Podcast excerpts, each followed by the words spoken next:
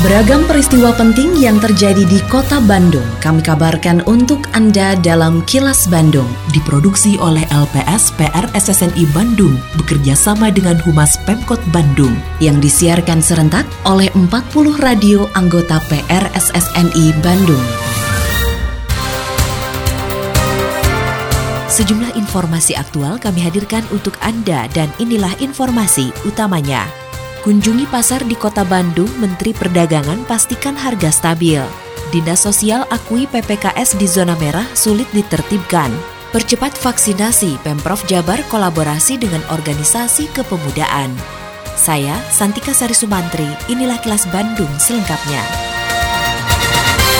Harga dan pasokan sejumlah kebutuhan pokok masyarakat atau Kepokmas di Kota Bandung pada hari pertama Ramadan relatif stabil. Meski ada beberapa bahan pokok yang mengalami kenaikan harga, hal tersebut dinilai wajar karena momentum bulan Ramadan. Hal tersebut diungkapkan Menteri Perdagangan Republik Indonesia Muhammad Lutfi usai melakukan kunjungan kerja ke Pasar Kosambi dan Pasar Sederhana Kota Bandung pada Selasa kemarin. Lutfi mengatakan berdasarkan pemantauannya, ada beberapa komoditas mengalami kenaikan harga seperti minyak goreng, tapi ada juga yang turun harganya seperti cabai rawit merah dan cabai merah. Ia pun memastikan akan terus memantau harga kebutuhan pokok masyarakat selama Ramadan agar stok tetap terjaga dan harganya stabil. Ada beberapa yang turun dan juga ada beberapa yang naik. Saya bisa lihat yang naik itu adalah minyak goreng. Seperti kita ketahui minyak goreng ini feedstocknya adalah CPO. CPO tahun ini harganya hampir 40% lebih tinggi dibandingkan periode yang sama tahun lalu. Oleh sebab itu uh, saya akan berkoordinasi dengan industri memastikan adanya supply yang lebih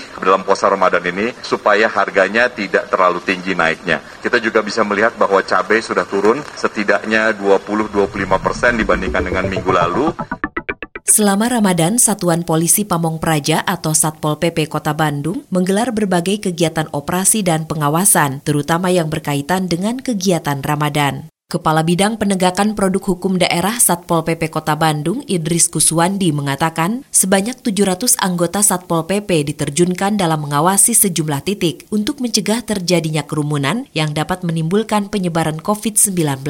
Pemantauan dilakukan di tempat ibadah, pusat perbelanjaan, perkantoran, sarana publik, dan tempat-tempat lainnya yang dinilai berpotensi menimbulkan kerumunan. Idris juga mengatakan pihaknya telah melakukan pemetaan terhadap dugaan pelanggaran yang biasa timbul pada saat bulan suci Ramadan, mulai dari penyandang masalah kesejahteraan sosial atau PMKS, tempat kuliner, juga lokasi ngabuburit dan buka bersama. Ada juga patroli reaksi cepat ya dengan menggunakan kendaraan bermotor untuk penghalauan, eh, penghimbauan, penghalauan dan pembubaran. Terus juga ada kegiatan-kegiatan yang bersifat khusus. Sekarang kan di Bank BRI ini banyak warga masyarakat yang berkumpul berkerumun dalam rangka pencairan BLT. Nah, ini juga Satpol PP mengantisipasi itu menempatkan unit-unit khusus termasuk Mojang Satpol PP. Terus operasi cipta kondisi ya, terhadap penyakit masyarakat.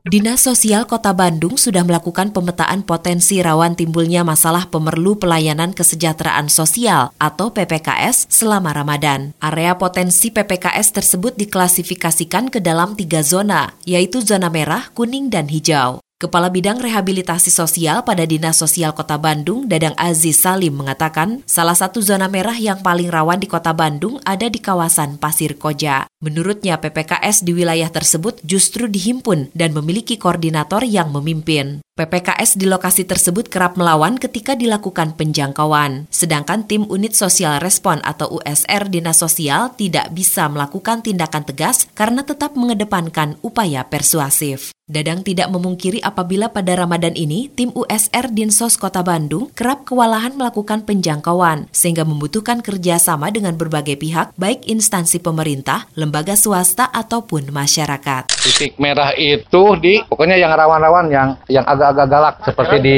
Pasir Koja itu susah Pasir Koja karena ada yang megang. Iya ada yang mengoordinir katanya makanya susah kalau di sana. Jadi kebanyakannya melawan. Jadi kami selalu meminta bantuan uh, ke TNI. Nah tapi susah itu memang susah kalau di itu yang koja itu. Ya kan dinas sosial bukan itu namanya juga sosial tidak bisa untuk kekerasan dinas sosial. Dinas sosial itu harus bisa memberikan pelayanan kepada orang yang memang sangat membutuhkan dan dengan cara-cara yang bijak.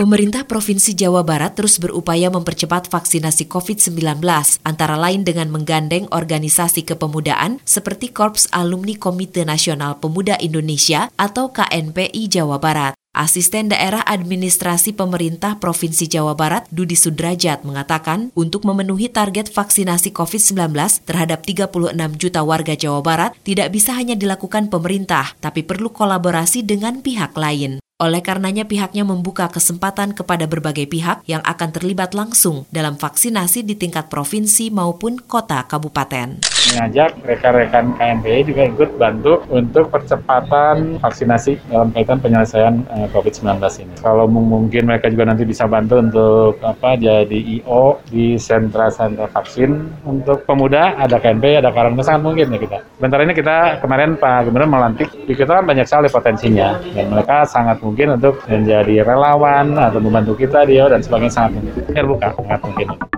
Terkait dengan berita sebelumnya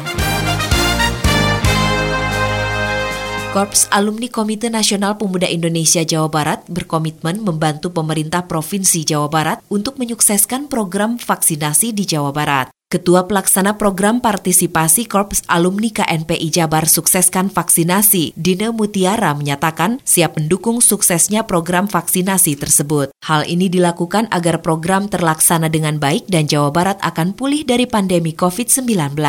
Untuk itu pihaknya menggandeng berbagai organisasi kepemudaan sebagai upaya untuk meningkatkan jumlah warga Jawa Barat yang telah mendapatkan suntikan vaksin. Targetnya organisasi kemasyarakatan dan organisasi kepemudaan itu divaksin. Kami berkolaborasi bersinergi dengan Pemprov apa pun programnya untuk menuntaskan pandemi akan kami ikuti. Kota dan kabupaten KAKNPI sudah terbentuk. Baru nanti ada yang kabupaten kota. Untuk ke depannya kemungkinan kami akan bersinergi sebagai event organizer dalam pelaksanaan vaksinasi di Jawa Barat. Kini, audio podcast siaran Kilas Bandung dan berbagai informasi menarik lainnya bisa Anda akses di laman kilasbandungnews.com.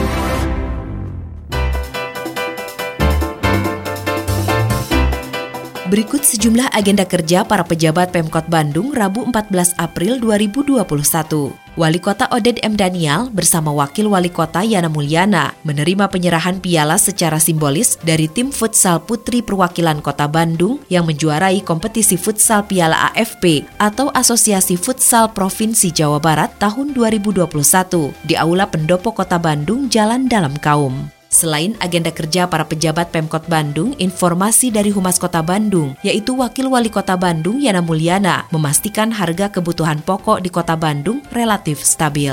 Meski begitu diakui adanya sejumlah komoditas yang mengalami siklus kenaikan harga di awal puasa seperti daging ayam, telur ayam, dan daging sapi. Sedangkan mengantisipasi kenaikan harga minyak goreng, pemerintah pusat akan segera mengintervensi untuk menurunkan harganya. Sementara itu, Kepala Dinas Perdagangan dan Perindustrian Kota Bandung, Eli Wasliah, mengungkapkan, berdasarkan pantauan per Selasa kemarin, stok kebutuhan pokok masyarakat dalam kondisi aman tersedia. Walaupun ada beberapa bahan pangan yang mengalami kenaikan harga terkait fenomena munggahan atau menjelang Ramadan. Sejumlah komoditas yang mengalami kenaikan di antaranya daging sapi dan minyak goreng curah. Sedangkan harga cabai rawit justru turun karena beberapa produsen cabai mengalami panen raya. Demikian agenda kerja para pejabat Pemkot Bandung dan info aktual yang diterima redaksi LPS PRSSNI Bandung dari Humas Pemkot Bandung tetap patuhi protokol kesehatan di masa adaptasi kebiasaan baru untuk memutus penyebaran COVID-19. Selalu memakai masker, mencuci tangan, menjaga jarak dan menghindari kerumunan, serta mengurangi mobilitas agar terhindar dari terpapar virus corona.